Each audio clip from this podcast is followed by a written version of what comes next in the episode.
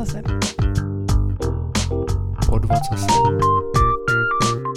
Pod ocasem. Pod vocasem. Pod ocasem. Pod vocasem.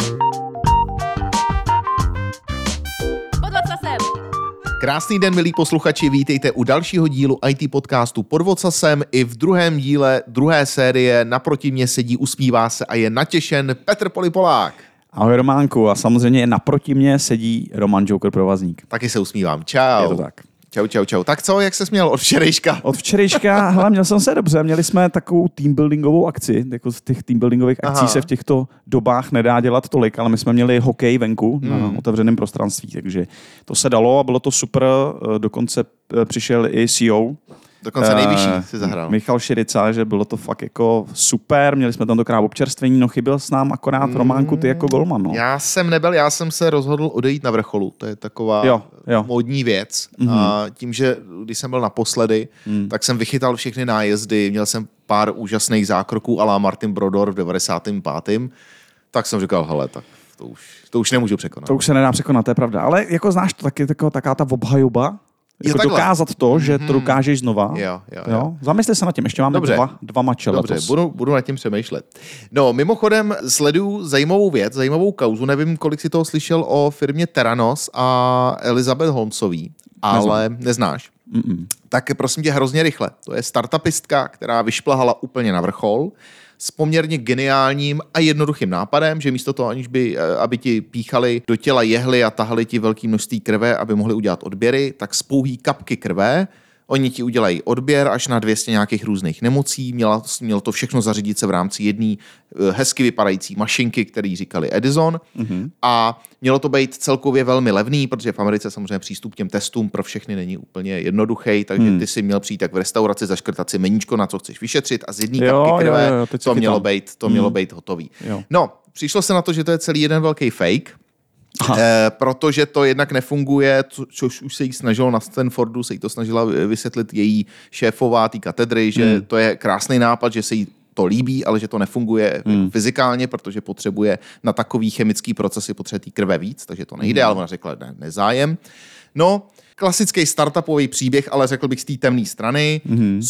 Spoustu investorů natahaných, valuace 9 miliard dolarů, nejmladší miliardářka na světě podle Forbesu. Všechno tak, jak Mhm. to tak bejvá na těch dobrých cestách. No a pak se zjistili, že to je celý fake, že když přišli na kontrolu, tak zjistili, že se to všechno dělá na tradičních strojích typu Siemens, že Ty vzali kráso. krev a běželi na ty velký stroje tam to Jo. udělat a pak Jo. to strčili zpátky do té malinkatý mašinky, která nefungovala, totální Potěmkinova vesnice. No tak tahle ta ženská nakonec úplně spadla, řekl bych, na dno. Eh, Teďka jí eh, porota eh, řekla, že je vina v tě, ve čtyřech bodech té obžaloby. Celkově vyčíslili ten podvod na investorech na 145 milionů dolarů. Takže holka teďka čeká, aktuálně v tuhle dobu, kdy to točíme, tak čeká na to, kolik jí napařej, protože v Americe to je oddělený, nejdřív tě odsoudějí a pak ti řeknou, kolik za to dostaneš. jasně. Takže to se ještě neví. Pokud posluchači, a to doporučuji i tobě, pokud vás to zaujalo, je o tom nádherný dokument, který hmm. je na HBO, jmenuje se Vynálezkyně z kapky krve. Myslím si, že to je i podle nějaký knížky, která kolem toho vyšla. Hmm. A očekávám, že ještě knížky nový vzniknou kolem Jo. tohle, protože Jo. teď je zase kolem toho velký hype, protože jinak ten příběh je relativně starý. A tam je právě vidět, jak ona tím charizmatem, zase jsme u toho startupu, jo, Jo, jo, jo, máš jo. charisma, a ona měla obrovský charisma, ona byla hezky Hmm. mm. vypadající, zároveň měla takový temný hlas, mluvila takhle, mm. ona byla, milovala Jobse, že nosila roláky a to. Všechno to vytunila, ten, tu prezentaci Hmm. mm. toho, že ona je mm. vizionářka, která změní svět odběru testů, mm. což v Americe, jak jsem říkal, prostě rezonuje Hmm. Jasně, stále, to, jasně. to, to healthcare. A úplně jako jí všichni zobali z ruky. Takže doporučuji, doporučuji, fakt dobrý. Masakr, na, měli už byli na burze? Chtěl bych být vlastníkem akcí. Ne, ne, ne, myslím si, že k Kipu nedošlo. jo, jo, jo, okay. Ale i tak je to zajímavý příběh, který je vlastně částečně z IT, částečně z biznesu, částečně z medicíny. Eh, Říkám, doporučuji, na HBO je o tom krásný dokument. No, ale my tady dneska nebudeme probírat healthcare, i když doufám, že někdy se i k tomuhle dostaneme, ale zabrousíme zase do temných, bažinatých vod eh, webu, JavaScript, runtimeů, ale máme v plánu si probrat i monorepo, multirepo, Git, verzování, branching, spoustu těch, jak já říkám, dobrot. S kým pak? Eh, Borek Bernard, člověče. Když už mm-hmm. takhle řeknu a posluchač ví, a posluchač ví, posluchač není blbej, tak ví, o koho se jedná. Je to velká osoba, je to člověk strašně eh, aktivní s našláplým, ale k tomu se dostaneme, našláplým Twitter accountem, plným informací. Mm-hmm. Takže myslím si, že dneska to bude zase obzvlášť dobrý. Tak paráda, přátelé. Borek Bernard.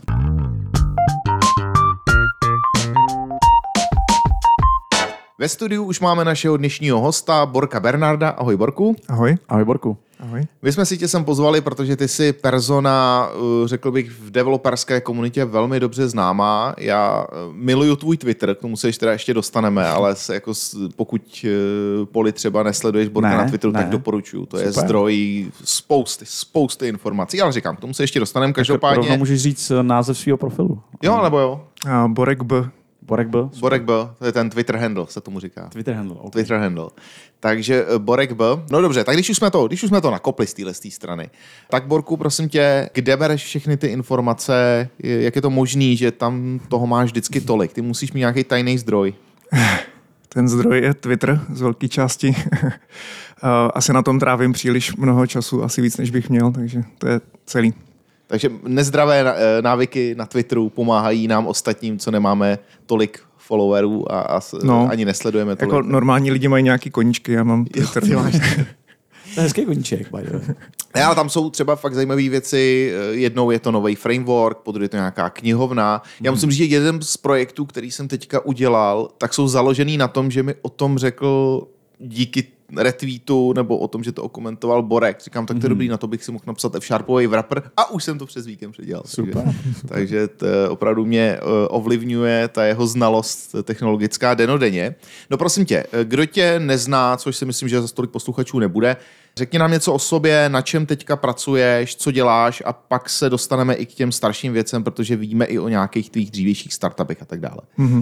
No, já jsem asi primárně vývojář, mám spíš tíhnu k frontendu, ale ne pouze, jako baví mě vlastně celá ta škála, to je na tom super. Poslední dobou dělám pro ShopTet asi tři roky, kde se vlastně snažíme vzít původní PHP frontend a předělat ho do moderní doby reaktový pomocí Nextu a GraphQL a podobných technologií. Mm-hmm. Takže to mě zaměstnává poslední zhruba tři roky a velmi mě to baví. Jak jsem říkal, eh, že si ještě pamatuju, protože my jsme se viděli před mnoho, mnoho, mnoho lety, v době, kdy eh, docela rezonoval tvůj startup nebo věc, projekt, eh, nevím, jak to správně nazvat, která jako rezonovala internetem a to byl Version Press. Ještě než teda skočíme k tomu ShopTetu, tak můžeme se zastavit, co je nebo byl Version Press, co to řešilo, říct posluchačům. Určitě, no, jako mm, já vlastně hrozně rád dělám produkty uh, oproti třeba projektům, které jsou dvouměsíční a skončí. Mám jako uh, vždycky byla moje touha vytvořit nějaký produkt vyloženě a ten version press je vlastně jeden z těch mnoha pokusů, který došel asi nejdál. Pořád se jako v zásadě neuspěl, ale jako, to je asi takový maximum, co se mi podařilo a vlastně ta pointa byla verzovat WordPress weby, protože s tím se potýká skoro každý, kdo má web na WordPressu, že když se mu tam něco změní a teď není jasný, jestli si to kli- rozbil klient nebo jestli se to rozbilo updatem nebo co se vlastně stalo, tak tam eh, ve WordPressu chybí jakákoliv možnost jít zpět, kromě nějakých záloh, takže Version hmm. Press byla snaha verzovat WordPress weby v Gitu a to, jak říkáš, docela slušně zarezonovalo. Neznamená to nutně business úspěch, ale jakoby minimálně ta, o tom projektu ví hodně lidí a i mě překvapuje, když třeba přijede do Evropy někdo z Ameriky a já se s ním mám šanci bavit na nějaký konferenci, tak docela často jako se stane, že ten člověk o tom aspoň slyšel, takže to je fajn. No tak, ale jak to? Tím pádem. Na jednu stranu to rezonuje, všichni to znají, je to dobrý nápad a říkal jsem ti už před těma pěti lety v té hospodě, že mi to přijde jako geniální nápad, protože WordPress je věc, která pohání web, ať hmm. chceme nebo ne, nebo aspoň tu, tu, tu sféru těch blogů a různých hmm. e-shopů a těle těch věcí, protože samozřejmě těch pluginů je, je strašně moc. A zároveň říká, že to neuspělo. Tak eh, Jo. jak je to možný? A vlastně ještě na začátku řeknu, že na tom WordPressu je pro mě fascinující. My, když jsme to dělali, tak měl nějakých třeba 25%, 30% trhu mm-hmm. a myslel jsem si, že druhý největší byl tehdy Drupal, asi 2% nebo něco takového. Byl jako ohromný tehdy ten WordPress a myslel jsem si, že musí akorát upadat, protože to technologicky není nic extra, jo, má to řadu problémů a myslel jsem si, že půjde do háje, ale naopak dneska je na nějakých, úplně přesně to nesleduju, ale je to 40% nebo možná 45%, jo, takže ten WordPress roste i při těch uh, ohromných absolutních číslech je čím dál větší. A vlastně ta druhá největší platforma je pořád někde v nízkých jednotkách procent, jo, takže je docela neuvěřitelný, jak ten WordPress roste. A možná proto vlastně bylo i pro nás, uh, aspoň to mělo šanci na nějaký úspěch, tím, že ty lidi potom, jako ten trh je velký, lidi to opravdu chtějí, takže dávalo smysl se do toho pustit, i jsme do toho s nějakou malou investicí od Kreda tady v Praze šli. Mm-hmm. Nicméně jedna věc je mít uh, nápad a třeba i chytrý lidi okolo a druhá věc je jako obchodně uspět a k tomu je potřeba hodně věcí, aby se sešlo dobře. Jo. Tam vlastně version press byl open source, musel být open source, v tom ekosystému nejde jinak existovat a dneska už jsou příklady jako úspěšných eh, firm okolo open source projektů, ale taky jsou to spíš výjimky. Řekl bych, že jakoby eh, ten defaultní stav je, že open source maintaineři obecně strádají, když to hmm. tak řeknu, nebo prostě to není, není to jako silný biznis až na pár výjimek. No a jak z tohohle? Protože tohle není věc, kterou řeší jenom WordPress, tohle řeší každá komunita, do které aspoň trošku člověk nakoukne, ať je to jakákoliv zásadní knihovna, tak je většinou open source a většinou hmm. ten maintainer buď trpí aktivně, anebo už je v tom stavu, že úplně vyhoří a řekne, já to nebudu dělat. Proč bych to vlastně dělal? Mám tady hmm. rodinu, mám nějaký životní čas. Jasně. Eh, jak, jak, teda, jak teda z toho? Protože zároveň open source, a včera jsme se o tom s Alešem, nebo minule, z pohledu posluchačů, jsme se o tom bavili, open source pohání dneska kde co, celý ten svět, hmm. i ten celý ten core business svět. A přitom ty maintaineři jako dřou víru mm-hmm. snouzí. Tak. Jako vlastně jediný úspěšný eh, model, nebo takový hlavní úspěšný model, který jsem viděl, je, že kolem toho open sourceu vznikne hosting, když to hodně zjednoduším. Hmm. Například uh, ve světě WordPressu největší, nejúspěšnější firma je Automatic, která provozuje WordPress weby. Jo, stejně tak Versal, dřív uh, uh, Zite, vlastně tak uh, Next.js je zadarmo, je to open source framework, dělá na tom 5 až 10 lidí na full time, což je dost drahá sranda, že no, tady jo, určitě no. jako víte, co to stojí peněz. Hmm. A, a to, že si to můžou dovolit, je jenom proto, že Versal je prostě hosting v zásadě platforma běhová takže na tom se dá vydělávat slušně. A byla to i naše idea, my jsme vlastně ten Word Eh, version Press potřeboval Git na, na tom serveru, kde běží WordPress, což není úplně vždycky splněný, nebo hmm. spíš hmm. málo kdy to je splněný. Takže i my jsme měli v zásadě tu správnou ideu vybudovat vedle toho hosting, ale to je vlastně další problém, který řešíš. Už se nevěnuješ pouze, řekněme, PHP programování nebo Git programování, ale věnuješ se i tomu stavění nějakého hostingu nad Kubernetes a řešíš, proč ti to zrovna nefunguje a scháníš další lidi s jinou kvalifikací. Takže ten, jakoby ta složitost vybudování ty firmy se neuvěřitelně zkomplikuje komplikuje a tam právě tam, eh, já si jako myslím, že ty myšlenky byly v zásadě správné, ale chtělo by to třeba tak desetkrát tolik uh, in, lidí, investice, času a tak dále a my jsme to prostě neměli. A vy jste si to fundovali celý sami? Uh, nějakou chvíli sami a potom v roce 2015 vlastně do nás investovalo Credo plus jo. další čtyři angel investoři. Hmm. A ten plugin frčel na jakých technologiích? Nebo ten byl, WordPress je na jakých WordPress je PHP v zásadě mm. čistě plus MySQL, a teda mm. tam leží data, plus PHP kód okolo dělá všechno ostatní, od frontendu až po a třeba RESTový API. Mm. No a Version Press k tomu přidal Git. My jsme nechtěli vlastně třeba mm, řešení konfliktů nebo meržování větví nějak vyrábět sami, my jsme chtěli se spolehnout na Git. Uh, takže tam vlastně Version Press byl v zásadě jenom lepidlo mezi, uh, pojítko mezi WordPressem a Gitem. Mm. Tam vlastně to, to hlavní, co se dělo, že my jsme překlápěli eh, MySQL tabulky do uh, textového formátu, který byl uh, přátelský k diffování, k meržování a to bylo podstatě celý. Když to jako zjednoduším, frontend byl v Reactu už tehdy, což nás vlastně později dostalo k té práci pro ShopTet, protože i když neuspěl ten projekt samotný, tak my jsme se jako tým velmi dobře naučili s různýma klíčovými technologiemi, které a nám později pomohli. Jo. Takže mm. všechno zlý je pro něco dobrý, mm. ale ten samotný version press, ten by potřeboval fakt takovou hodně víc ještě práce a my jsme mm. neměli už prostě čas na to. Takže dneska říkáš my, tak eh, kolik to čítá lidí, co to vlastně je za subjekt? Uh, Version Press tehdy byl maličkatá firma, hmm. jakože možná v nějakém píku, kdy na tom dělali i externí kontraktoři, tak to bylo třeba kolem 15 lidí, ale to i jádro Version Pressu bylo 3 až 5 lidí, jako vždycky, hmm. vždycky maličkatá firma. Hmm. Ta investice byla jako opravdu sít a není to jako, že dneska, jo. když vidí člověk zahraniční sít a jsou to miliony dolarů, tak hmm. tehdy ta doba rozhodně nebyla taková a rozhodně není v České republice, takže hmm. uh, u nás to byly, já nevím, uh, řádově 100 tisíce dolarů to byly. A vznikla za tu dobu nějaká konkurence Version Pressu, nebo to je pořád, že řešíte tak specificky unikátní problém, že nikdo jiný to, do toho nešel? Jo, Existovaly podobné jako Git pluginy, které na to často šly o hodně jednodušejíc, například neřešili databázy, řešili pouze ty šablony, což jsou PHP soubory a to je triviální problém. Mm-hmm. Ten vlastně tam skoro není co řešit. Mm. Jo, takže ty nějak uspěli, ale tím, že vlastně moc nepomáhají lidem, tak ani nejsou extra světaborní, takže mohli zůstat jako free, open source a nějak si prosperují, má, jako, mají pár stovek hvězdiček na GitHubu, ale to je tak celý. Jako firma se kolem toho určitě udělat nedá. Hmm. Tady kolem version pressu, který by to pojal poctivě, plus dodal třeba kontejnerizovaný hosting těch WordPress webů, kde na jedno kliknutí máš staging prostředí a umí se to mergenout ty data zpátky do produkce. To, to je jako složitý problém, který do dneška vlastně není vyřešený nejenom na WordPressu, ale celkem všude, kde existuje nějaká databáze. Merge dvou databází je těžký problém, který čeká na vyřešení. Mm-hmm. A pojďme trošku k těm technologiím. Ty si to trošku nakous. Uh, jakým technologiím se teďka hlavně věnuješ? No, poslední roky to je v podstatě všechno kolem JavaScriptu. Nebo já říkám JavaScript, ale píšeme to v TypeScriptu od začátku už. Vlastně i version Press kdysi měl to rozhraní v administraci WordPressu byl, byl vložený jako reaktová apka, to tehdy nebylo úplně běžný. Dneska už to naopak začíná být běžný, protože za mě je ta filozofie Reactu, eh, nebo ten vůbec světonázor, že eh, něco jako React požere z frontendový svět je jako správna. Nemyslím si, že by serverový PHP šablony měly renderovat uživatelský rozhraní. Jo. Je tam je hmm. daleko přirozenější, když to dělá JavaScript. Takže my jsme na tohle to měli v Sazíno už eh, jako velmi dávno, konkrétně na React a TypeScript a to se nám přineslo teďka do práce pro ShopTet, kde vlastně vlastně vyvíjíme novou generaci frontendu.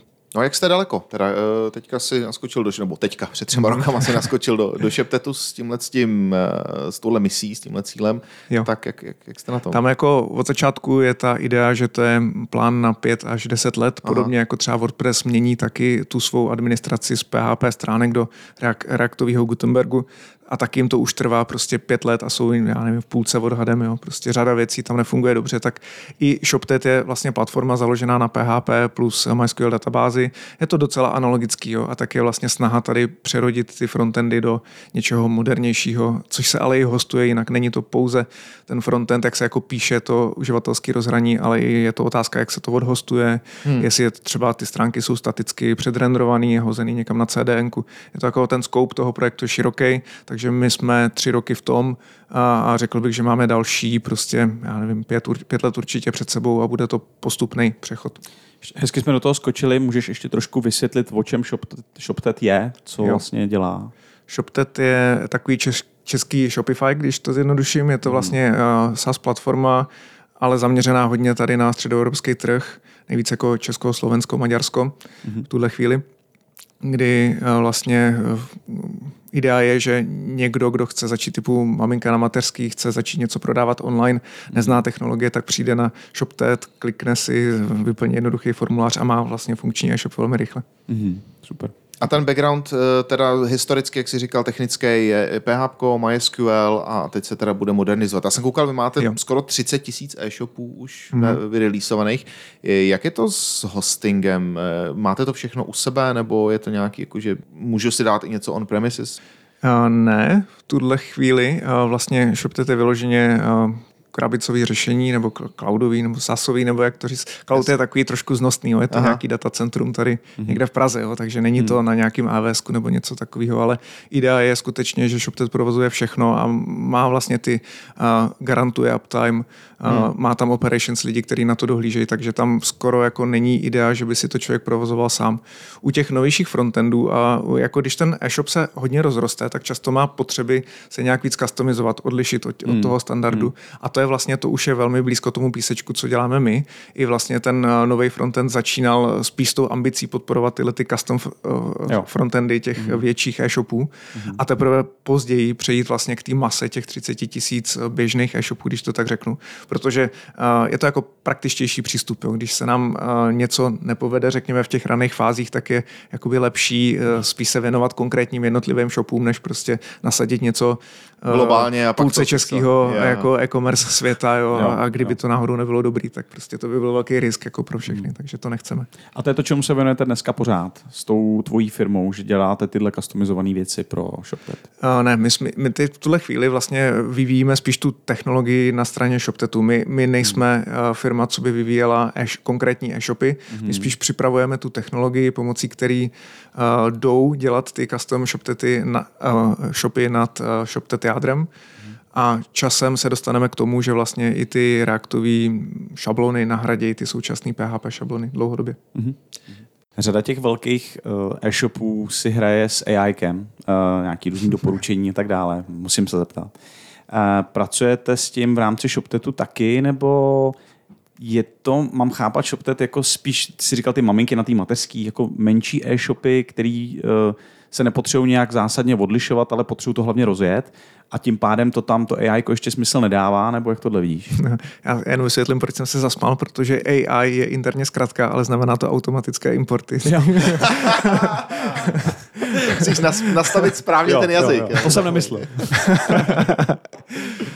jinak je to spíš, jak říkáš, jako uh, doposud nebyly příliš velké jako možnosti, jak se vlastně odlišit. Máš sice na výběr jako z mnoha šablon a z mnoha hmm. doplňků, ale já když takhle brouzdám heurekou, hledám něco, kde to koupím jako za nejlevnějc a pak se tam prokliknu, tak velmi dobře poznám, že to je jako e-shop na ShopTetu. Jasný, jasný. Jak vůbec pracujete? Vyvíjíte agilně nebo máte nějaký, prostě, nevím, zadávací dokumenty od ShopTetu, nebo jak to, jak to funguje? No, t, eh, poslední dobou eh, většinou ty týmy eh, mají tendenci mít, řekněme, odhadem 5 až 10 lidí. Každý by měl mít technologického lída a měl by mít svého produktáka. To je vlastně ideál posledních uh, let.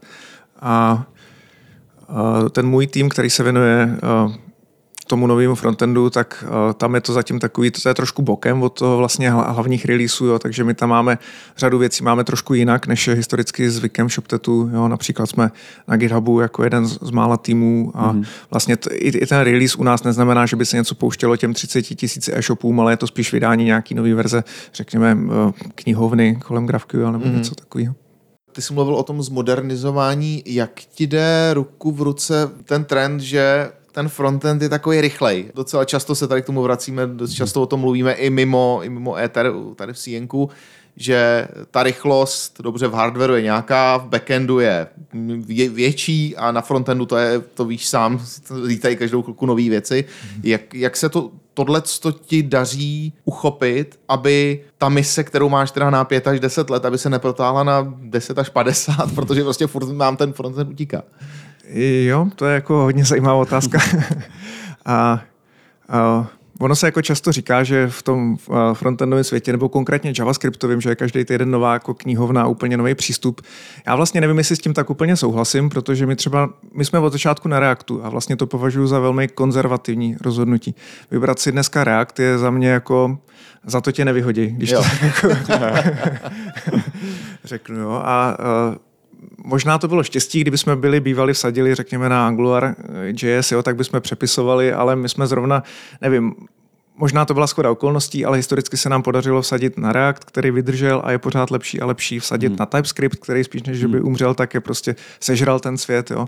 GraphQL už je trošku kontroverznější uh, volba, tam i já jako otevřeně řeknu, že si nejsem jistý, jak to s tím dopadne. Jsou tam jako dobrý náznaky, ale ještě to podle mě rozhodně není ve stavu typu TypeScript, že není o čem uvažovat a jasně se na to dá vsadit. To samý React, GraphQL je trošku kontroverzní, ale nějak se nám historicky možná klikou, možná tím, že sledujeme řadu věcí, tak se nám podařilo vsadit na pár klíčových věcí, které se nám za posledních pět let tolik nezměnily a čím díl s nima jsme, tím víc jako věřím, že tady s náma budou i za pět, deset let. A čím to, že React vyhrál de facto? Hmm, nevím, to můžu si zkusit jako zafilozofovat, ale za mě to je možná jako ta jeho ohromná jednoduchost. On se toho nesnaží řešit moc, ale to, co se snaží řešit, tak se snaží řešit až jako maniakálně, až do takového detailu, že to eh, řada lidí by nad tím mávla rukou, ale jim jde opravdu třeba teďka řeší HTML streaming, jo, jako dřív se dělal server-side render, takže se někde v Node.js procesu na serveru uh, vyrendruje celý HTML a čeká se na to třeba sekundu a pak, až pak se to posílá do browseru. Mm. A teďka řeší, jak jako posílat toho HTML streamovaně, což zase pro někoho, kdo dělá s PHP od roku 2000, tak jako si říká, co to sakra jako je, to jo, no, prostě jasně. tohle bylo vždycky, jo, ale pak tam máš různý zajímavý detaily typu, že chceš prioritizovat rendering něčeho, třeba obsah článku Mhm. mm. na nějakém obsahu webu je důležitější, než jako vyrendrovat komentáře nebo možná i hlavičku, jo. A teďka jak spojit tyhle ty věci dohromady, Mhm. tak to prostě nejchytřejší lidi na světě, nebo aspoň ty, který máme jako ohromnou uh, úctu, co, co jako jsou schopní vymyslet, tak ty řeší tyhle ty problémy a hmm. trvá jim to rok, dva, tři, jo, ale my jenom čekáme a já vím, že prostě za rok zase přijde něco jako dobrýho do toho Reactu. A on se nezmění způsob, jakým píšem kód, ale ten uh, uživatelský prožitek na straně toho konzumenta, to té aplikace bude lepší jako za rok nebo za dva. A ještě když trošičku naťukneme ten TypeScript, TypeScript, TypeScript, to je věc, kterou taky sleduju u nás. Spoustu kluků začínalo ve Vanilla JavaScriptu a teď bych řekl, že možná celý webový oddělení až na výjimky, hmm. jako opravdu jednotky eh, lidí maximálně, tak skočili všichni na TypeScript a jsou něm strašně spokojení. Eh, Já se pamatuju, TypeScript, když vyšel, byl kolem toho taky, jako potřebujeme vůbec nějaký jako superset nad JavaScriptem a tak. Hmm. Teď už to nikdo nespochybňuje. Čím to, že je to tak dobrý? Je to tou typovostí, která zase na druhou stranu do JavaScriptu úplně nepatří, že jo? Čím to je? Taky výborná otázka. Vlastně mně, mně skoro připadá, že dneska, jestli eh, napíšeš soubor a dáš .js nebo .ts, tak ten rozdíl je hrozně malý. Hmm. Třeba pět, sedm let zpátky si to musel celý prohánět nějakým TSC compilerem, to už dneska není nutný. Jako ča, často se obejdeš eh, bez eh, vlastně TSC, jo, ten TypeScript nám konkrétně plní roli spíš jako linteru. Něco jako, že nám hlídá, jestli něco nám hlídá, jestli máme středníky nebo nemáme na konci řádku, jo, tak TypeScript nám podobně hlídá, jestli prostě náhodou do čísla nepřiřazujeme string nebo něco takového. Ale my nepoužíváme tu TSC binárku na to, aby nám buildila tu aplikaci nebo nějak transpilovala něco. To už dneska SBuild to umí, Bubble to umí, uh, SVC to umí, Next to má vestavený, Gatsby to má vestavený. Dneska už jako nemusíš moc, není to velký rozhodnutí. Jo? A dokonce můžeš, já nevím, 9 souborů z 10 mít .js, ten desátý mít .ts, postupně to migrovat, jako je to dneska hrozně snadný. Proto už ty týmy nemají podle mě moc složitý rozhodování, jestli TypeScript jo nebo ne. Prostě, když se, to, když se jim to líbí, tak to mají okamžitě k dispozici. Takže to je jedna z těch dalších battle tested věcí, která ze začátku eh, se na ní koukalo, potřebujeme, nepotřebujeme a nakonec je to věc, bez který už se na frontendu neobejdeme. Je to tak? No, Víceméně. Já, já nevím, já si jako dokážu představit, že bych psal v .js a měl tam třeba pár jako um, komentářů, jako těch anotací, to ti, to ti taky hodně pomůže a vlastně ti odpadne vůbec potřeba to nějak transpilovat, ale my na všech projektech, co máme, když jsi ve světě Nextu nebo celkem čehokoliv dalšího, tak tam máš něco jako SBuild nebo Bubble nebo řadu dalších věcí, které vznikají a vlastně uh, já bych si jako zvolil ten TypeScript, ale dokážu si i představit projekt bez něj úplně klidně. Hele, a Flow ještě žije? Eh, Jako projekt? Nevím, já jsem to nikdy příliš nesledoval. Ty uh, projekty Facebooku jsou React je spíš taková výjimka, že se jim hodně povedlo dělat to komunitně a otevřeně. Ale hmm. řada dalších uh, Facebook projektů je hodně evidentně pro jejich interní využití v první řadě mm-hmm. a až když jim zbyde odpoledne nějaký čas jako poslat nějakou aktualizaci na GitHub, tak to udělají. Mm. Jo, je to takový mm. open source licence, ale neprobíhá to úplně otevřeně ten vývoj a oni uh, prioritizují interní potřeby. A to bylo, mně vždycky připadalo, že to je uh, případ Flow, je to například případ i Relaye po dlouhou dobu, teď se teda snaží to zvrátit, jo, React Native, docela podobná záležitost. Jsou určitý projekty uvnitř od Facebooku nebo od Meta dneska, který vypadají spíš jako zaměřený dovnitř primárně mm-hmm. a je spíš málo projektů od Facebooku, který vypadají jako uh, ven.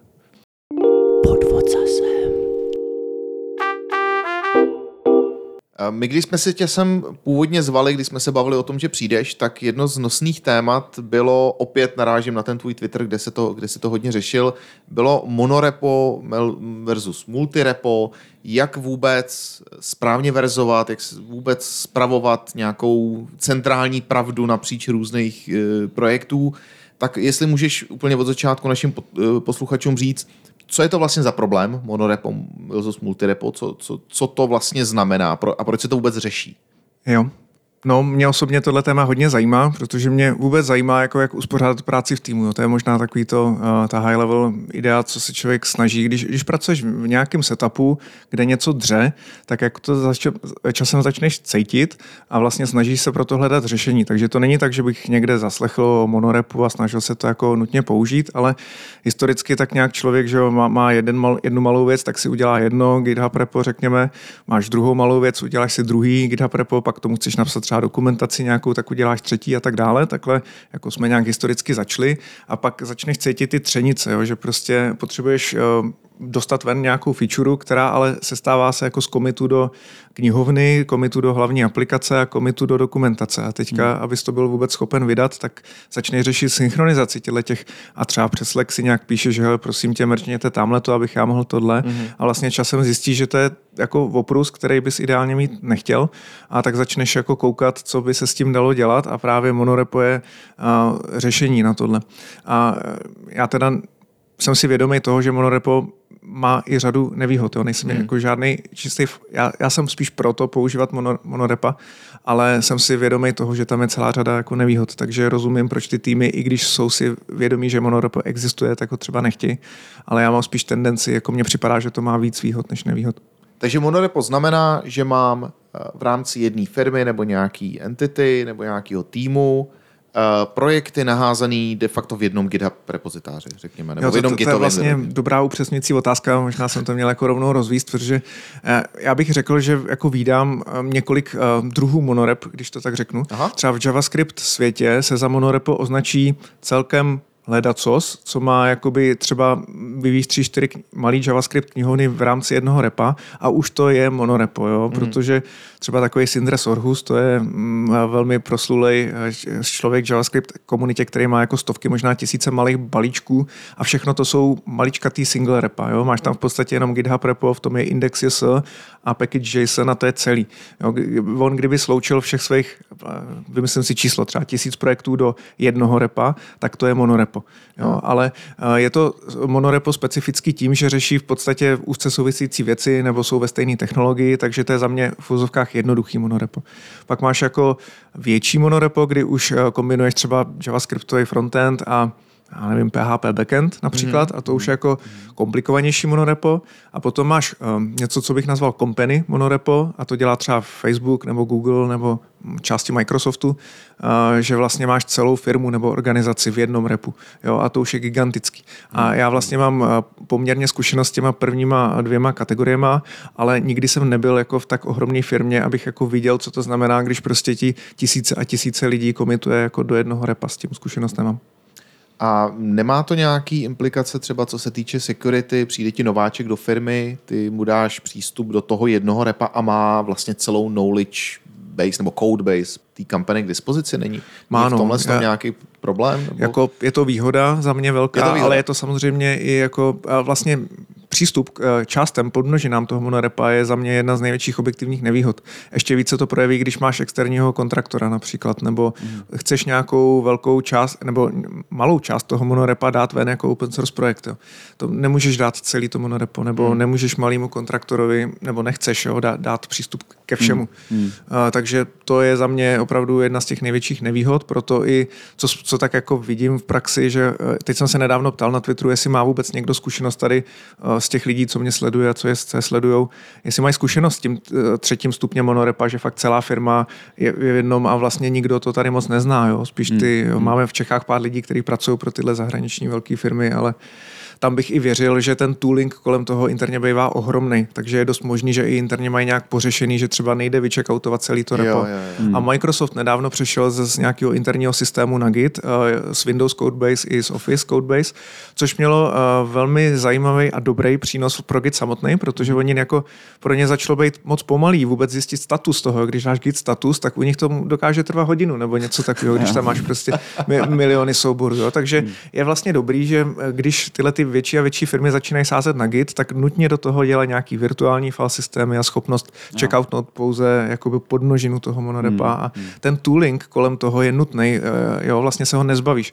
Eh, ty eh, při mnoho samostatných repozitářích si musel mít nějaký procesy okolo, dát si vědět na Slacku nebo nějaký jako wikina, která ti hmm. popisuje, v jakém pořadí to udělat.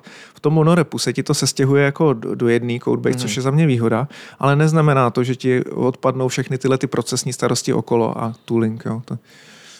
A když jsi říkal, že se ptal na to největší monorepo uh, na Twitteru, je, to, je kolem toho nějaká zajímavá literatura, která by se dala uh, No, literatura, nevím, jestli si představíš knížky nebo tak. To, no, jako to není cokoliv, nějaký, prostě, nevím, nějaká studie nebo něco, jo, že očividně je to pořád jako nový téma, moc, moc lidí to tady o tom pořád neví.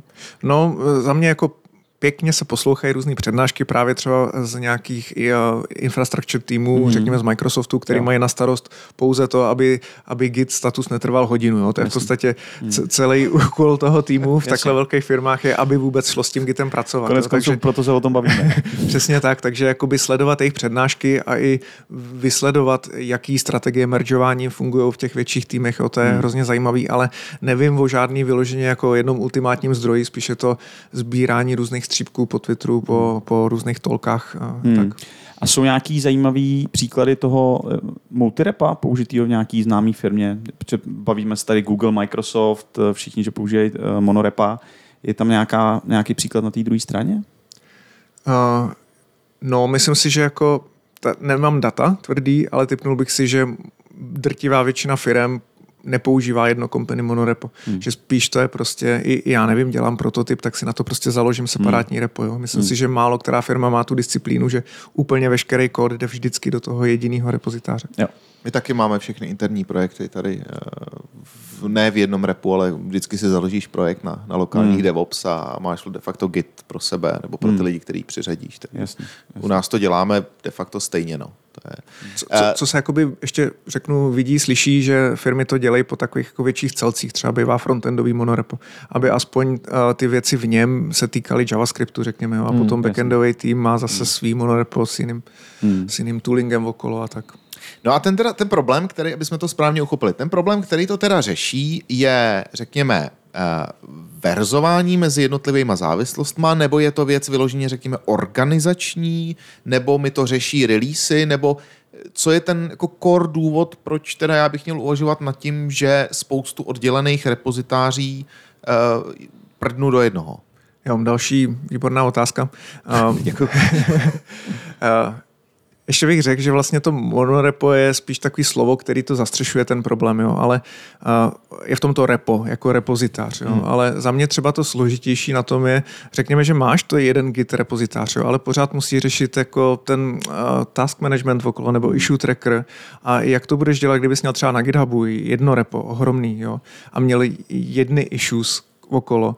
A teď různý týmy si to chtějí různě labelovat a mít jako jiný uh, periody, já nevím, různých vývojový periody. Jo. Tak tam je složitý to uspořádat, aby, aby se s tom nějak vyznal a nejspíš dojtereš k tomu, že máš nějaký uh, custom queries na tom GitHubu nebo skripty okolo, který se ti zase znovu zpětně snaží zaměřit ten tvůj fokus pouze na to, co tě zajímá. To si myslím, že jako největší výzva toho monorepa, ale i, i když máš vlastně těch mnoho menších repozitářů, tak většinou, nebo aspoň co já jsem měl tu zkušenost, tak existuje, řekněme, wiki stránka, kde máš jakoby postup. Za prvé, vyčekautujte si Jasně, všechny, všechny repa do téhle složky a musí to být všechno v jedné složce. Nemůžeš mít jakoby různý projekty různě. Aby ti fungovaly třeba nějaký skripty, které jsou napříč těma repozitářema, tak na to je třeba nějaký další malý repo, který se jmenuje třeba scripts. Jo? Mm-hmm. A mhm. teď v té wiki máš, že to repo scripts musí být sousední k těm složkám, těm ostatním. Jo? A vlastně mně připadá, že se vždycky uh, tohle, jenom kdyby si zapalil, zabalil do jednoho repa, tak máš v podstatě monorepo, jo? že stejně se tomu hmm. nějakému setupu nevyhneš. Hmm. Takže za mě, když už se tomu nevyhneš, tak je za mě lepší mít to prostě v tom jednom repu, kdy není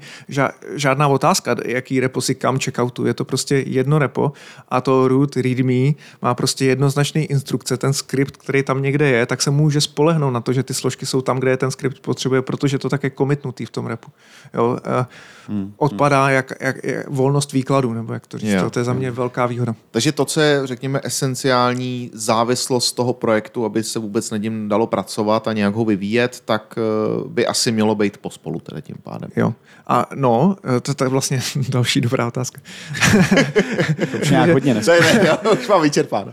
Proto- Protože třeba my, my jsme začali s mnoha malejma a nejdřív je ta tendence spojit jako třeba a, knihovnu, která implementuje Aha. nějaké funkce a aplikace, která to používá jako to- dohromady, abys mohl mít jeden pull request. No, ale třeba tu dokumentaci ještě necháš bokem, protože to chceš, aby ti tam mohl poslat pull request někdo přes GitHub veřejně. Jo? Takže už kvůli, dokumentace, to vůbec nevedeme. už kvůli, Ne, ne, ne, už kvůli jak se zkontroluju, to chceš mít jako oddělený repo, ale pak tě začíná jako prudit, že jsi vlastně releasenul třeba tu feature a máš ještě teprve otevřený pull request tou dokumentací. A zase musíš ty jako člověk dávat pozor na to, aby, abys to jako usynchronizoval. Kdyby to bylo monorepo, tak ty víš, že ten mergenutí toho jednoho pull requestu sobě má jak knihovní kód, tak aplikační, tak mm-hmm. tak release notes. Mm. Úplně všechno, co vlastně potřebuješ a co ti ten projekt zaručuje, že ten stav je konzistentní napříč vším, co potřebuješ. Takže nám vlastně to monorepo jako by bobtnalo a vcucávalo do sebe trošku jako černá díra ty okolní hvězdy. Jo? Prostě nejdřív to, že je samostatně, ale má to tendenci to prostě nasát do sebe, protože když už jednou to monorepo máš, tak dává smysl tam mít těch věcí víc a víc.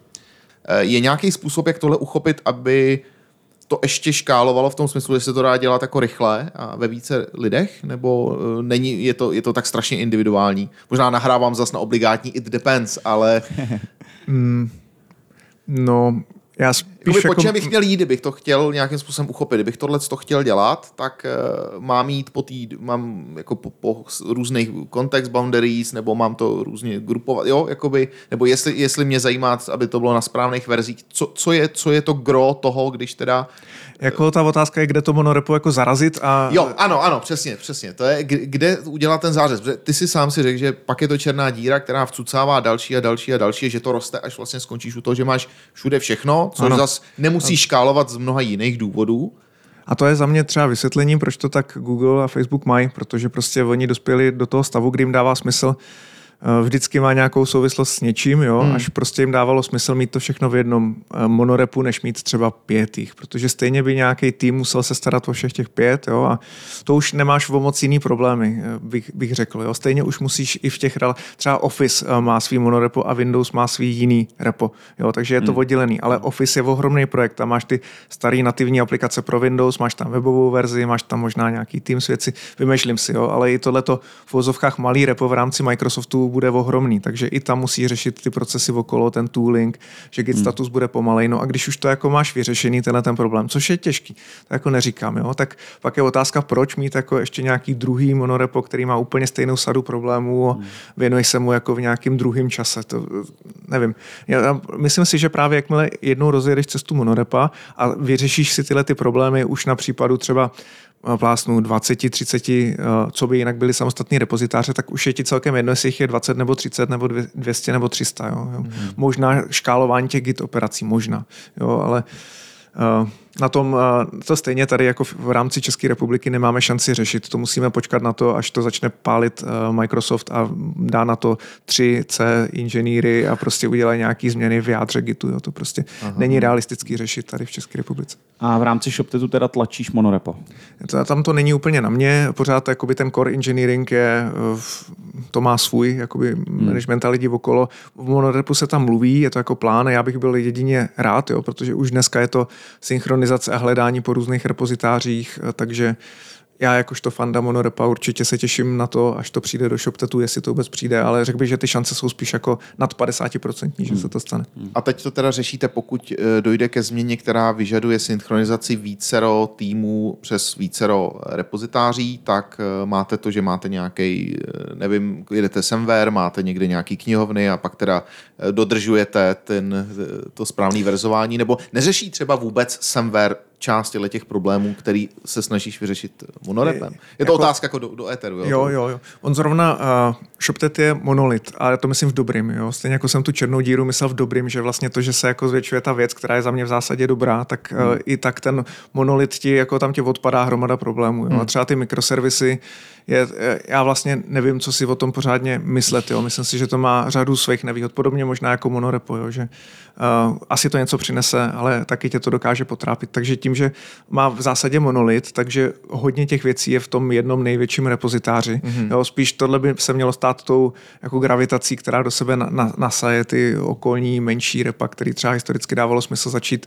bokem, ale dneska už by mi spíš dávalo smysl je mít součástí. Takže není tam ta situace, že by to bylo hromada knihové na 20 různých aplikací, které to konzumuje. Je to spíš jako monolitická PHP aplikace a za mě to je dobře, protože to zjednodušuje řadu věcí. Což mimochodem i v té knížce snad na prvním stránce je napsáno druhá věta, jako nezačínejte nikdy s microservices, byť když jsme tady měli Jardu Holaně, tak ten říkal, že rovnou začal s microservices, ale, jo, ale Sam Newman říká, nejdřív si udějte monolit a když teprve to budete z hlediska performance nebo škálování týmů nebo různých technologií hmm. potřeba řezat, tak eh, hodně štěstí, protože kolikrát je problém ten monolit nařezat tak, hmm. aby se ty věci nemoc překrývaly. Že jo?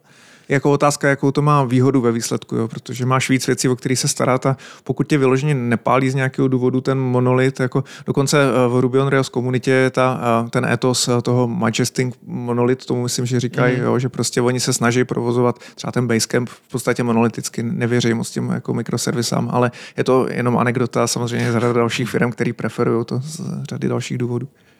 A možná ještě mě napadlo, ty jsi zmínil jako důležitou věc, kterou je taky potřeba zmínit, a to je to releaseování těch věcí. Hmm. A to vlastně vůbec není nějak v konfliktu s tím, že třeba veškerý zdrojáky máš v jednom monorepu, ale to, kdy co releaseuješ, vůbec jako nesouvisí s tím, jestli to je jedno repo nebo mnoho. My taky na tom frontendu, když už jako my tam jedeme to monorepo, ale co se kdy release, je vyloženě naše rozhodnutí, je to nějaký skript, který žije někde v tom monorepu, ale deployne to, co je potřeba v zásadě podle volby. Jo. Takže není to tak, že monorepo nutně znamená, že, že ti to nějak diktuje, jak máš releaseovat. To ne, to zůstává to pořád jako flexibilní. Mm-hmm. A když už si teda eh, nakousnul i to releaseování, eh, jedete tam, eh, třeba používáte feature flagy, nebo jakým, jakým způsobem? No, teď, teď moc ne, ale bylo by to jako hrozně fajn. To je vlastně jedna z těch důvodů určitý komplexity toho releaseu, je, že tam moc nejsou ty feature flagy, proto se používá spíš jako různý git techniky typu držím to někde v nějaký branči bokem a pak to přenesu teprve do té branče, co odpovídá releaseu a za mě vždycky, když se používá git pro uh, Git by podle mě neměl být jako ten nástroj, který ti něco zařizuje. Git ukládá zdroják, ale ve chvíli, kde na něj spolíháš, aby ti vůbec fungoval release, že musí být nějaká branch někde nebo Aha. něco, to je, to je za mě smel. Mělo by to být nějakým nějak jinak zařízený. Jo. Prostě i kdyby neexistoval Git vůbec na tomhle světě, tak by mělo jít jako nějak rozumně releaseovat software. Jo, takže ve chvíli, kdy, kdy máš vsazíno na nějaký Git workflows, aby ti vůbec fungovalo něco, je za mě jako trošku náznak, že, že to není v pořádku. To jsem se právě chtěl zeptat, protože vím, že ty jsi uh, jednak, že se tomu věnuješ roky a jsi, jsi velký znalec Gitu. Uh, jedete teda Gitflow, co se týče vývoje, nebo, nebo naopak jedete prostě všechno do, do, do trunku, nebo do masteru, nebo do mainu? Eh, a... Jo, já se nejdřív zase musím zasmát, jako, že vlastně s tím Gitem dělám hrozně dlouho, ale já jsem pořád takový začátečník, jako to vždycky. ale o tom mi nemluv, já jsem myslel, že používám čtyři věci. Používám pull, push, commit a občas uh, udělám nějaký rebase, když jsem nějaký... Hmm. To, to, to, je všechno, jako přiznám, to je všechno, co já jsem možná kdy použil jako z Gitu, jo, takže uh, jo, to si vůbec nic nedělej. Je to mazec. No i o těch různých brančovacích a mergeovacích strategií může mít člověk načteno jako hrozně moc a stejně tě pak jako nedomyslí všechny důsledky, co to má a jako fakt se v tom cítím pořád jako začátečník. Nicméně za mě to nejjednodušší workflow. Já bych skoro řekl, že lidi mají tendenci se jako vyhnout tomu, co ten GitHub má jako default, že máš prostě master z toho uděláš feature branch, pak v tom iteruješ nějakým pull requestu a pak to jako merge, než normálně merge commitem. Jo? Prostě Aha. za mě, mě tohle nějak neuráží, naopak z mnoha důvodů tohle považuji za jako výhodný workflow. Jo? A myslím si, že správně, že i teďka v roce 2022 je to ten default na GitHubu. A lidi pak začnou řešit jako rebasování a squash mergeování mm. a mhm. řadu dalších jako technik, které mají určitě něco jako pro, pro sebe, ale i ten úplný základ s těma blbými merge commitama je za mě naprosto přijatelný a navíc preferovatelný jako z řady důvodů. Jo. Možná nebudeme asi zabíhat do detailů. No to klidně, klidně, byli... klidně zaběhneme, to jako máme času. To. Ještě hodinu, jo. Ale takže my vlastně v mém týmu uh, preferujeme, normálně máme pouze jednu dlouhožijící branch a to je master main. Uh, děláme feature branche, iterujeme v pull requestu, mergeneme hotovo. Hmm. A není s tím žádný problém? Co ne. Se... ne. To je, to je dobrý. My jsme, my jsme si zkusili různý Gitflow a že jsme měli i že jo, developer branch a, hmm. a hrozně nám to, vlastně jsme zjistili, že Eh, Když máš hodně seniorní tým, tak tě to brzdí, ale na třeba na druhou stranu, když máš mixovaný tým a chceš tam víc mít eh, důraz na ty pull requesty a na nějaký jako reviews a, a komunikaci ko- kolem toho, tak to jako není špatný. Takže vlastně my jsme zjistili, že pro každý projekt uh, to děláme trošku jinak podle toho, kdo jo. na něm je a jak moc potřebujeme mezi sebou kooperovat, nebo jestli jsme prostě tři seniori, kteří se tam buší hlava nehlava a pak se jenom doufají, že se to zmeržuje stejně. Hmm. Takže je, je zajímavý, že ty strategie jsou různý a možná i v závislosti na různých týmech dávají smysl. No. Jak, jak vy to tam máte, co se týče seniority eh, v tom tvým týmu? Vy jste asi všichni střelci, ne? Um, no, řekněme, jako za času Version Pressu, tam, uh, když to byl maličkatý týmek, tak tam vlastně si pohlídáš, nebo je to i nutný, aby ve startupu ty lidi byli hodně seniorní. Tam to jinak nejde. Hmm. Ve větší firmě už se tohle jako nedá. Je to nepraktický přístup, mu- musíš mít ty lidi na- namíchaný jako různě. Takže i za mě je to takový možná jako můj osobní trošku vývoj, že je potřeba nad některýma věcma trochu přivřít oči, nelze mít všechno ideálně jo, a z řadu věcí se člověk musí smířit, protože to tak je nejlepší možný praktický řešení. Hmm. Já teď mám teda ještě jednu otázku, která se trošičku vrací k tomu mono versus multirepo, git. Uh, co jsou, prosím tě, vysvětli, co jsou git submodules a jestli vůbec je to k ničemu. To je, to je věc, co se nepoužívá. Je to věc, já jsem si to myslel, já jsem si to myslel, protože já jsem to samozřejmě nikdy nepoužil. Uh, a ptal jsem se uh, Kuby Říčaře, našeho, našeho skillera, který vždycky, když je něco v Gitu, tak, tak se ho zeptám. Říkám, co git, co modul, říká, to nikdo nepoužívá. To, to, to, to neřeš, to nech bejt. Možná, pokud to jako zmiňuješ v kontextu debaty o monorepu, tak dřív to byla jakýsi jako způsob, jak vlastně se z nějakého synchronizačního repa, kde máš pouze ty submoduly, tak tam se jako můžeš odkázat třeba na konkrétní verzi nějakých těch dalších repozitářů, jo, ale za mě tohle to řeší monorepo, kde to není nějaký odkaz do jiného repozitáře, ale vyloženě ta složka ti tam jako le- leží jo, na disku, takže... Hmm. Kromě toho, že jsi velký znalec Gitu, tak eh, jak jsme říkali už z toho tvýho Twitteru, sleduješ ten frontend. Co je co tě z toho frontendu teďka hodně zaujalo, nebo nějaký nový trend, něco opravdu fresh, co, co se ti líbí? Já si myslím, že děje se toho hodně kolem. Že jo? Eh, Bavili jsme se mimo éter, že autor Wepeku přešel do, do jiného, do, Verslu, Do Verslu. Do Verslu. Mm-hmm. Teďka vidím od eh, Aleše Roubíčka, kterého mimochodem tady budeme mít taky eh, v druhé sérii jako hosta, tak ten zase hodně propaguje Deno.js, což by měl být snad nějaký nový runtime pro, mm-hmm. pro, pro JavaScript. Tak co jsou teďka takové ty cool věci? Jo, máš pravdu, že dě- děje se toho strašně moc. Konkrétně Versil jako ta firma, která stojí za Nextem a za tím hostingem, tak vlastně za poslední dva měsíce nahajrovala neuvěřitelně mnoho lidí z té frontendové komunity. Mají tam třeba uh, autora Reactu nebo hlavního, jakoby, uh, ten, co má ty dobrý nápady. Jo? Pak tam je řada vývojářů, ale tohle je vlastně ta, ta hlava za Reactem. vizionář Tak, prostě. Ten vizionář, přesně tak. Takže ten je teďka ve Verslu. Mají tam uh, autora Svelte, uh, Svelte frameworku. Mm-hmm. Jo, nahajrovali vlastně, jak už si říkal, autora Wepeku. Mají tam autora S2TVC, což je takový nový rychlej transpiler. Uh, No, spíše jako těžký najít někoho, koho nenahajrovali poslední dobou, takže... A to dostali nějaký jako hodně- přisypáno od nějakých Ano, investorů? ty nebo- jsou teda neuvěřitelně úspěšní, ty jsou teďka u nějakého kola C nebo D financování a to bylo snad 200 milionů dolarů jako ta investice samotná, jo, takže oni už jsou rozhodně unicorn a, a těm se daří nesmírně.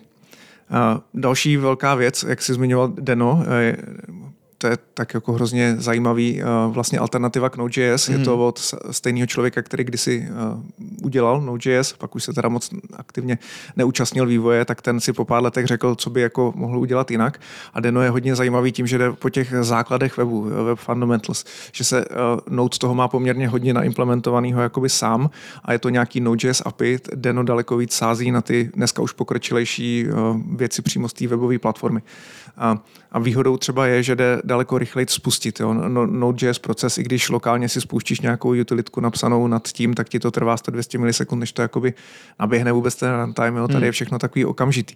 A vlastně tyhle ty třeba Cloudflare Workers, Workers to je další uh, edge platforma, vůbec ten edge computing je další hrozně zajímavá věc, jo, že, že už nemáš centrální Node.js server, kde ti běží JavaScript, ale po světě, já nevím, 150 nějakých edge lokací, kde, kde vůbec jde nějaký malinký, malinkatý kousek JavaScriptu spustit. Jo. Takže tohle jsou hrozně zajímavé trendy, pro ten frontend jsou vysoce relevantní a mně by se třeba jako hodně líbilo, kdyby časem i ty ShopTetí frontendy dokázali využívat tuhle tu Edge uh, platformu, aby se ten kód vykonával hodně blízko tomu, kde seš s tím daným zařízením, aby to neputovalo přes půl světa. A to je teda eh, třeba jak na Cloudflare nabízejí ty workers, tak to je, to je ono? Že- Ano, tam uh, není, není to přímo Deno, to je další vlastně platforma sama o sobě. Další, co stojí jako za to sledovat. Hmm. Hmm. Oni ty zase třeba hirujou vý, historicky vývojáře z Node.js, tak pře- přetahují Hmm. určitý lidi k sobě, jo, takže děje se toho nesmírně moc. Ještě bych zmínil možná React Server Components, to je další eh, velká jako věc, co přijde do Reactu, že ten React byl historicky pouze jako client-side. Hmm. Pomocí Nextu se dal ano, dal se spustit jakoby ta jeho metoda vyrenderování do stringu někde na serveru, jo, ale teďka ten React jako takový daleko víc sází na to, že nějaká část by dávala smysl, aby běžela na serveru. Takže třeba z React Component přímo můžeš fetchnout data z databáze. Jo. To, to dřív hmm. nebylo možné, protože mezi mým browserem a tou databází je mnoho neprostupných firewallů, ale najednou, když běžíš jako na serveru, tak to můžeš udělat a je Jasně. to bezpečný. Třeba, jo. Takže těch jako trendů je skoro až moc, bych řekl, a je těžký to usledovat a do žádného nejdu moc hluboko, ale třeba to Deno už v našem repu aktivně používáme pro skriptování. Tam je třeba skvělý, že nemusíš udělat nepomo install předtím. Prostě máš skript, rovnou ho spustíš a ty jeho dependencí se nějak živě jakoby stáhnou na cache podle toho, jak je potřeba. Nemáš package manager, nemusíš mít lokální složku node modules. Takže no NPM, no yarn, Přesně jako... tak, nic. Máš jenom skript napsaný, v- máš script.ts, může to být Aha, TypeScript, jasně. zase Deno je další runtime, který nativně podporuje TypeScript. Uh, takže napíšeš script.ts, dáš eh, Deno run tenhle ten skript s nějakýma flagama, který ti třeba povolí přístup k lokálnímu disku, polo, povolí přístup k síti, všechno je by default jakoby zakázaný, hmm. jako v browseru, je to hodně sandboxovaný prostředí, takže na skripty to je vynikající. No, Omlouvám se, že to je taková jako smršť všeho možného. Ne, ne, ne, ne, to naopak, to ne, se dávej, toho- dávej, já úplně na, na tebe koukám, těma očima úplně hltám. Dě, děje se toho až moc jako zajímavého, že člověk má samozřejmě tendenci všechno použít, ale zase do toho projektu nebo do toho týmu si nechci zatáhnout 20 různých technologií, který kdo ví, jestli tady vůbec za rok, za dva budou. Hmm. Takže člověk musí trošku opatrně, ale je to nesmírně Ale svět. umí s tím bojovat, s tím nutkáním. No, já třeba s tím pořád ještě pracuju, no, objeví se nová věc a říkám kolegovi, říkám, hele, Landy, pojď, dáme, nasadíme to tam. A říkám, že to v betě, ty říkám, no, nevadí. Takže to, to zvládáš, tohle, jo. Jako člověk musí být připravený tu věc eh, agresivně odstranit. Pokud ta Aha. věc se neosvědčí, tak hmm. prostě pryč s tím. Jo? A pokud člověk má tuhle mentalitu, tak za mě je OK to zkoušet. Mhm. Kde sbíráš tyhle informace? Používáš Twitter k tomu taky, nebo kde? Jo, jo. Když sleduješ ty správné okruhy na Twitteru, tak tam se to na tebe valí trochu až moc. Jako, jo. Mm. Ten, já bych na Twitteru máš buď to možnost to, uh, si to nechat valit, nebo to vyloženě mutnout, nebo zablokovat. Mm. Já bych spíš potřeboval nějaký slider, jako že něčeho bych potřeboval o trošku méně, než to jako do mě zrovna Jo. valej, Jo. a něčeho jiného trošku víc. A třeba teďka Remix je hrozně populární framework ve světě Reactu a já toho mám plnou timelineu až jako Remix, to jo. ne, nepříjemný trošku. No. Jo. Já si přemýšlím, na, to, na co si zase udělám nějaký F-Sharpy wrapper, takže ne, to je super, to je skvělý. Ještě než se rozloučíme, tak eh, je to jedna věc, kterou nesmíme opomenout. A to je, my už jsme sem Borka tahali strašně dlouho a on ne, že bychom ho tahali a on sem nechtěl, on jednoznačně od začátku řekl, ano kluci, rád přijdu.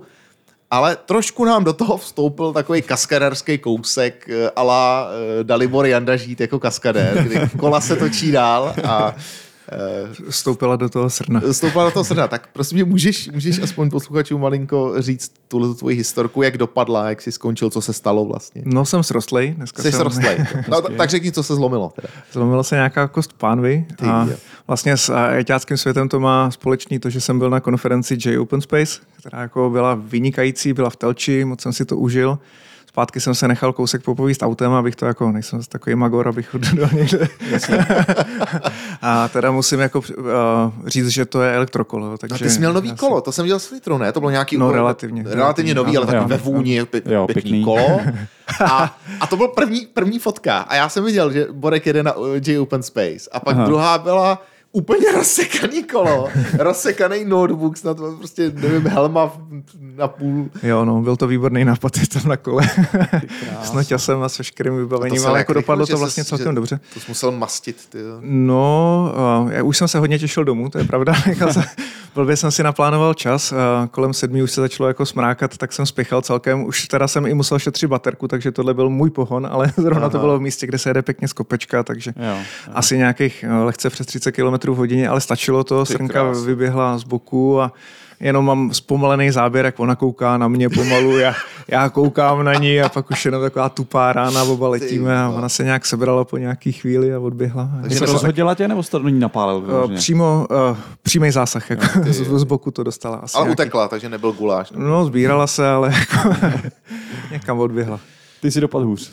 No, já jsem pak eh, zkoušel, jestli to kolo vůbec je provozu schopný a bylo a uh, moc mi to nemyslelo v tu chvíli, tak jsem hmm. jako přemýšlel, jak volám manželce a nějak řešíme dávání kola do auta, to se mi fakt nechtělo řešit v tu chvíli, hmm. tak jsem to radši dojel a pak jsem zjistil druhý den, že, Že to, nedopa- že to nedopadlo úplně dobře pro mě. Tak jsme rádi, že vypadáš srostlej v pořádku, Jo, že to nakonec dobře dopadlo. No a samozřejmě obligátní otázka na závěr, co tě čeká, jaký máš teďka výzvy před sebou, co se biznesu týče. No, uh, nás čeká vlastně uh, přerodit uh, frontendy ShopTetu na novou technologii, což je jako dlouhodobý úkol a hmm. velmi mě to baví, ta práce na tom. Je i řada v tom ekosystému e-commerce nebo i dalších, je řada nových technologií, které by tohle měly usnadnit, takže je to krásný pomezí toho hrát si, zkoumat, dělat něco užitečného a vlastně ve výsledku by ty e-shopy český měly být rychlejší, lépe použitelný, customizovatelnější. Takže Super, super. Tak budeme ti přát, eh, aby se ti to podařilo a budu sledovat tvůj Twitter. A musím si tě najít. Hele, rozhodně to udělej, to stojí to za to. Tak jo, měj se moc hezky, moc díky, že jsi dorazil a zase nikdy. Čau, Děkuju. čau. Měj se krásně. ahoj. Čau. Podvod zase. Tak to byl Borek Bernard, další skvělý host, eh, plný informací. Já jsem věděl, že když si ho pozvem, že to množství těch frontendových zajímavostí, který ze sebe vysype, bude velký, ale i tak eh, to bylo, to bylo nad očekávání skvělý. No, já se nerad opakuju, ale opravdu mně přišlo, že kdybychom se ho zeptali na, já nevím, biochemii, tak nám něco řekne. Jo? Jako ale- Přišlo mi to fakt zajímavý v tomhle tom směru, jak je otevřený všem možným tématům. Ale zároveň, jako kolik o tom ví. Jo, to, je, jo, jo. To, je, to je zajímavý. Mezičase jsem si ho už, eh, jsem si ho už přidal na Twitteru Jo? a jako pár tweetů jsem si přečetl a je to fakt zajímavý, takže budu určitě sledovat. Teďka, kámo, už je z tebe odborník na frontend. No, tak, takhle jednoduchý to je. No, takhle to je jednoduchý. Tak, takhle vznikají odborníci, jak to, to snad jako nefunguje jinak, ne? Tak si to hned nechám udělat na vizitku. Přesně tak. Tak jo, tak my frčíme dál. Eh, Milí posluchači, my moc děkujeme za to, že jste nás i nadále poslouchali, že nám zachováváte přízeň a nezapomeňte, že máme webovky www.podvodcasem.cz, kde stále můžete zanechávat audiovzkazy, které si tady pak společně s Polem pustíme, my se tomu vysmějeme a bude to určitě strašně zábavný. Pro Těšíme všechny. se na to, Těšíme, se na to, mějte se krásně, díky a zase za 14 dní. Ať se daří, mějte se krásně. Čau.